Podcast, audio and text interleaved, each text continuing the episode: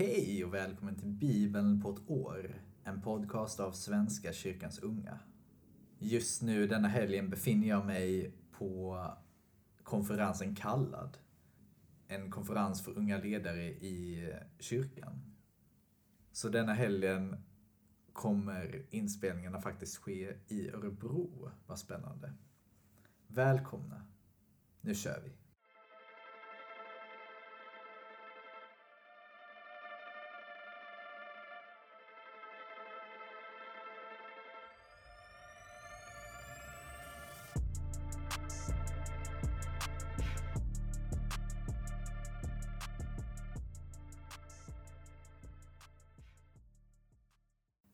Vi ber. Tack Gud för denna fredag. Tack för denna start på denna helg. Ge oss glädje. Ge oss uppmuntran. Ge oss allt det som du vet att vi behöver. Tack för att du känner oss allt igenom.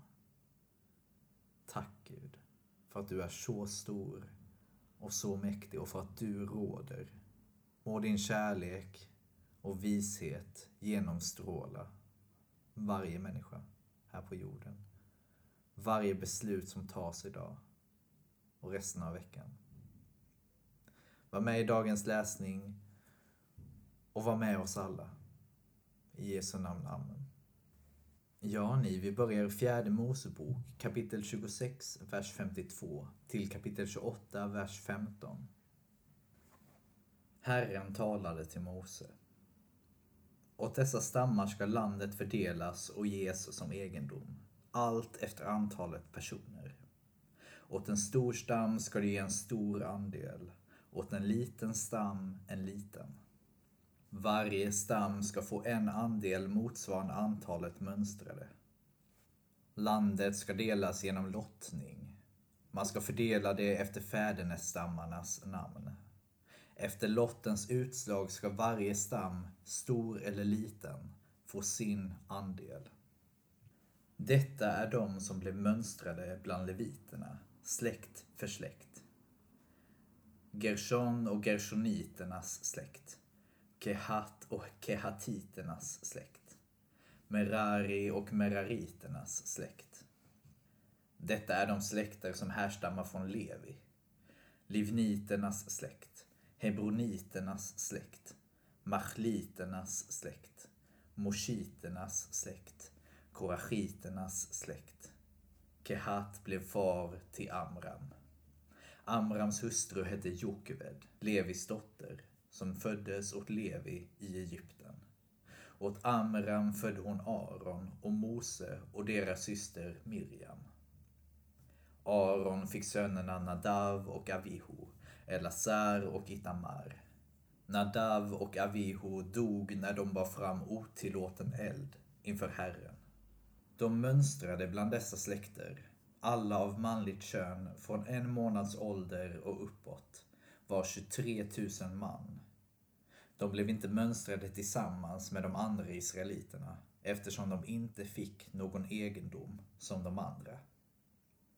Detta var de som mönstrades av Mose och prästen Elazar när de mönstrade israeliterna på Moabs hedar vid Jordan mittemot Jeriko. Bland dem fanns ingen som Mose och prästen Aron hade mönstrat när de mönstrade israeliterna i Sinaiöknen. Om dem hade Herren sagt, de ska möta döden i öknen. Och ingen fanns längre kvar av dem utom Kalev, Jefones son, och Josua, Nuns son. Nu trädde Selofchads dotter fram. Selofchad var son till Hefer, son till Gilead, son till Makir, son till Manasse. Han hörde till Manasses, Josefs sons, släkter. Döttrarna hette Machla, Noa, Hogla, Milka och Tirsa. De ställde sig inför Mose och prästen Elazar inför hövdingarna och hela menigheten vid ingången till uppenbarelsetältet och sade Vår far dog i öknen, men han var inte med i den menighet som gaddade sig samman mot Herren. Korachs menighet, utan dog på grund av sin egen synd. Han hade inga söner. Måste vår fars namn utplånas ur hans släkt därför att han inte hade någon son. Låt oss få mark att äga, liksom vår fars manliga släktingar.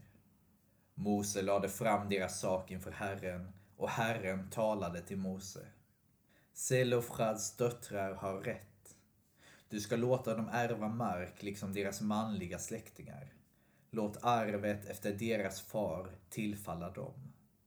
Sedan ska du tala till israeliterna. Om en man dör utan att efterlämna någon son ska ni låta hans arv tillfalla hans dotter. Om han inte hade någon dotter ska ni ge hans arv åt hans bröder. Hade han inga bröder ska ni ge hans arv åt hans fars bröder. Hade hans far inga bröder ska ni ge hans arv åt den närmaste anförvanten i hans släkt.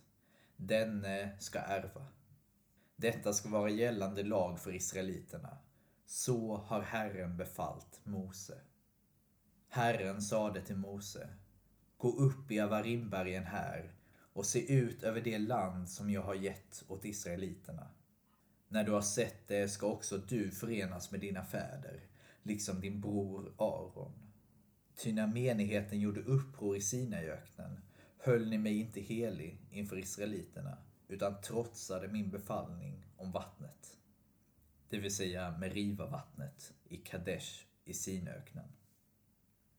Då sade Mose till Herren, må Herren, den Gud som ger alla människor liv och ande, utse en ledare för menigheten. En som kan leda deras fälttåg, föra dem ut i strid och tillbaka igen. Så att inte Herrens menighet blir som får utan herde. Herren svarade, hämta Josua, Nuns son. Han är en man med ande. Lägg din hand på honom, ställ honom inför prästen Elazar och hela menigheten och ge honom hans uppdrag i deras åsyn. Låt honom få del av din egen myndighet så att hela den israelitiska menigheten lyder honom. Men han ska vända sig till prästen Elazar som för hans räkning ska söka vägledning inför Herren med hjälp av orakel. På hans ord ska de dra ut och på hans ord ska de vända tillbaka. Josua, liksom de andra israeliterna, hela menigheten. Mose gjorde som Herren hade befallt honom. Han hämtade Josua, ställde honom inför prästen Elazar och hela menigheten, lade sina händer på honom och gav honom hans uppdrag, så som Herren hade sagt genom Mose. Herren talade till Mose. Ge israeliterna följande påbud. De offergåvor som tillkommer mig, min föda, alltså mina eldoffer, den lukt som gör mig nöjd, ska ni vara noga med att ge på fastställda tider. Säg till dem, detta är det eldoffer ni ska ge åt Herren. Två års gamla felfria lamm som brännoffer varje dag i all framtid. Det ena lammet ska du offra på morgonen, det andra mellan skymning och mörker. Och som matoffer en tiondels efa siktat mjöl, blandat med en kvarts hin olja av stötta oliver. Detta är det dagliga brännoffret, instiftat på Sina i berget. En lukt som gör Herren nöjd. Ett eldoffer åt honom. Som dryckesoffer till det första lammet ska du ge en kvarts hin. Ett offer av en rusande dryck ska du utgjuta åt Herren i helgedomen. Det andra lammet ska du offra mellan skymning och mörker. Med samma slags matoffer och dryckesoffer som om morgonen ska du offra det. Ett eldoffer, en lukt som gör Herren nöjd.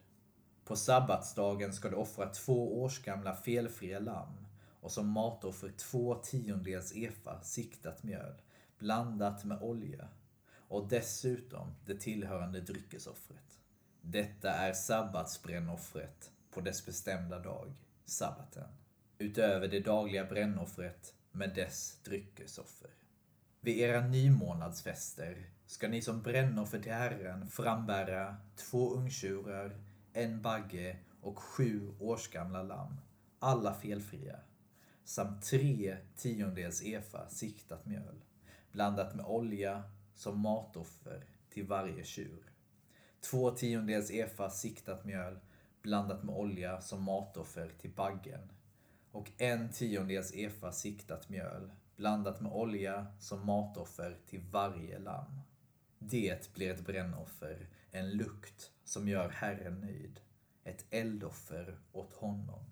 De tillhörande dryckesoffren ska bestå av en halv hin vin till tjurarna, en tredjedels hin till baggen och en kvarts hin till lammen.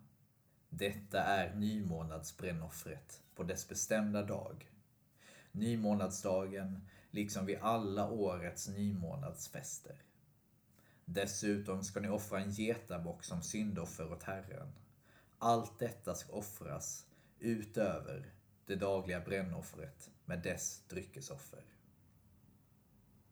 Vi fortsätter i Lukas evangeliet, kapitel 3, vers 1 till 22. Under femtonde året av kejsar Tiberius regering, när Pontius Pilatus var ståthållare i Judeen, Herodes tetrark i Galileen, hans bror Filippos i Itureen och Trachonitis och Lysanias i Abilene. Och när Hannas och Kajafas var överstepräster kom Guds ord till Sakarias son Johannes i öknen. Han begav sig till trakten kring Jordan och förkunnade överallt syndernas förlåtelse genom omvändelse och dop. Som det står skrivet i boken med profeten Jesajas ord. En röst ropar i öknen. Bana väg för Herren, gör hans stigar raka. Varje klyfta ska fyllas, varje berg och höjd ska sänkas. Krokiga stigar ska rätas och steniga vägar jämnas. Och alla människor ska se Guds frälsning. När folk kom ut i stora skaror för att döpas av honom sade han till dem Huggormsyngel, vem har sagt er att ni kan slippa undan den kommande vreden? Bär då sådan frukt som hör till omvändelsen och börja inte säga er Vi har Abraham till fader. Jag säger er att Gud kan uppväcka barn åt Abraham ur dessa stenar. Redan är yxan satt till roten på trädet. Varje träd som inte bär god frukt ska huggas bort och kastas i elden. Folket frågade honom, vad ska vi då göra? Han svarade, den som har två skjortor ska dela med sig åt den som ingen har. Och den som har bröd ska göra på samma sätt. Även tullindrivare kom dit för att bli döpta och frågade honom. Mästare, vad ska vi göra? Han svarade, driv inte in mer än vad som är fastställt. Och när det kom soldater och frågade honom, och vi, vad ska vi göra? Sade han till dem, pressa inte av någon pengar med våld eller hot, utan nöj er med er såld. Folket var fyllt av förväntan och alla frågade sig om inte Johannes kunde vara Messias. Men han svarade dem alla, jag döper er med vatten. Men det kommer en som är starkare än jag och jag är inte värdig att knyta upp hans sandalremmar. Han ska döpa er med helig ande och eld. Han har kastskoveln i handen för att rensa den tröskande säden och samla vetet i sin lada. Men agnarna ska han bränna i en eld som aldrig slocknar. På detta och många andra sätt förmanade han folket när han förkunnade budskapet för dem. Men när han gick till rätta med tetrarken Herodes för hans förbindelse med sin brors hustru Herodias och för det mycket onda som han hade gjort lade Herodes till allt annat också det att han satte Johannes i fängelse. Nu när allt folket lät döpa sig och Jesus också hade blivit döpt och stod och bad öppnade sig himlen och den heliga anden kom ner över honom i en duvas skepnad och en röst hördes från himlen. Du är min älskade son. Du är min utvalde. Vi fortsätter i Saltaren. Psalm 61. För körledaren till stränginstrument av David. Gud, hör mitt rop, lyssna till min bön. Från jordens ände ropar jag till dig i min förtvivlan. Rädda mig upp på en klippa och ge mig trygghet. Du är min tillflykt, mitt befästa torn mot fienden. Jag vill bo i ditt tält för alltid, söka skydd under dina vingar. Du, Gud, har hört mina löften och uppfyllt dina trognas önskningar. Du lägger år till kungens livslängd. Han ska leva när släktena skiftar. Må han evigt sitta på sin tron inför Gud. Må godhet och trohet bevara honom. Då ska jag alltid lovsjunga ditt namn och infria mina löften dag efter dag. Och vi avslutar som vanligt i Ordspråksboken, kapitel 11, vers 16 till 17. En älsklig kvinna vinner ära. Den driftige vinner rikedom. Den godhjärtade gör sig själv gott. Den som är hård skadar sig själv. Det var allt för idag kära vänner. Nu ska jag snart på en gudstjänst på den här konferensen jag är på. Vi ses imorgon. Ha det fint, ta hand om er så hörs vi imorgon. Ha det fint, hej.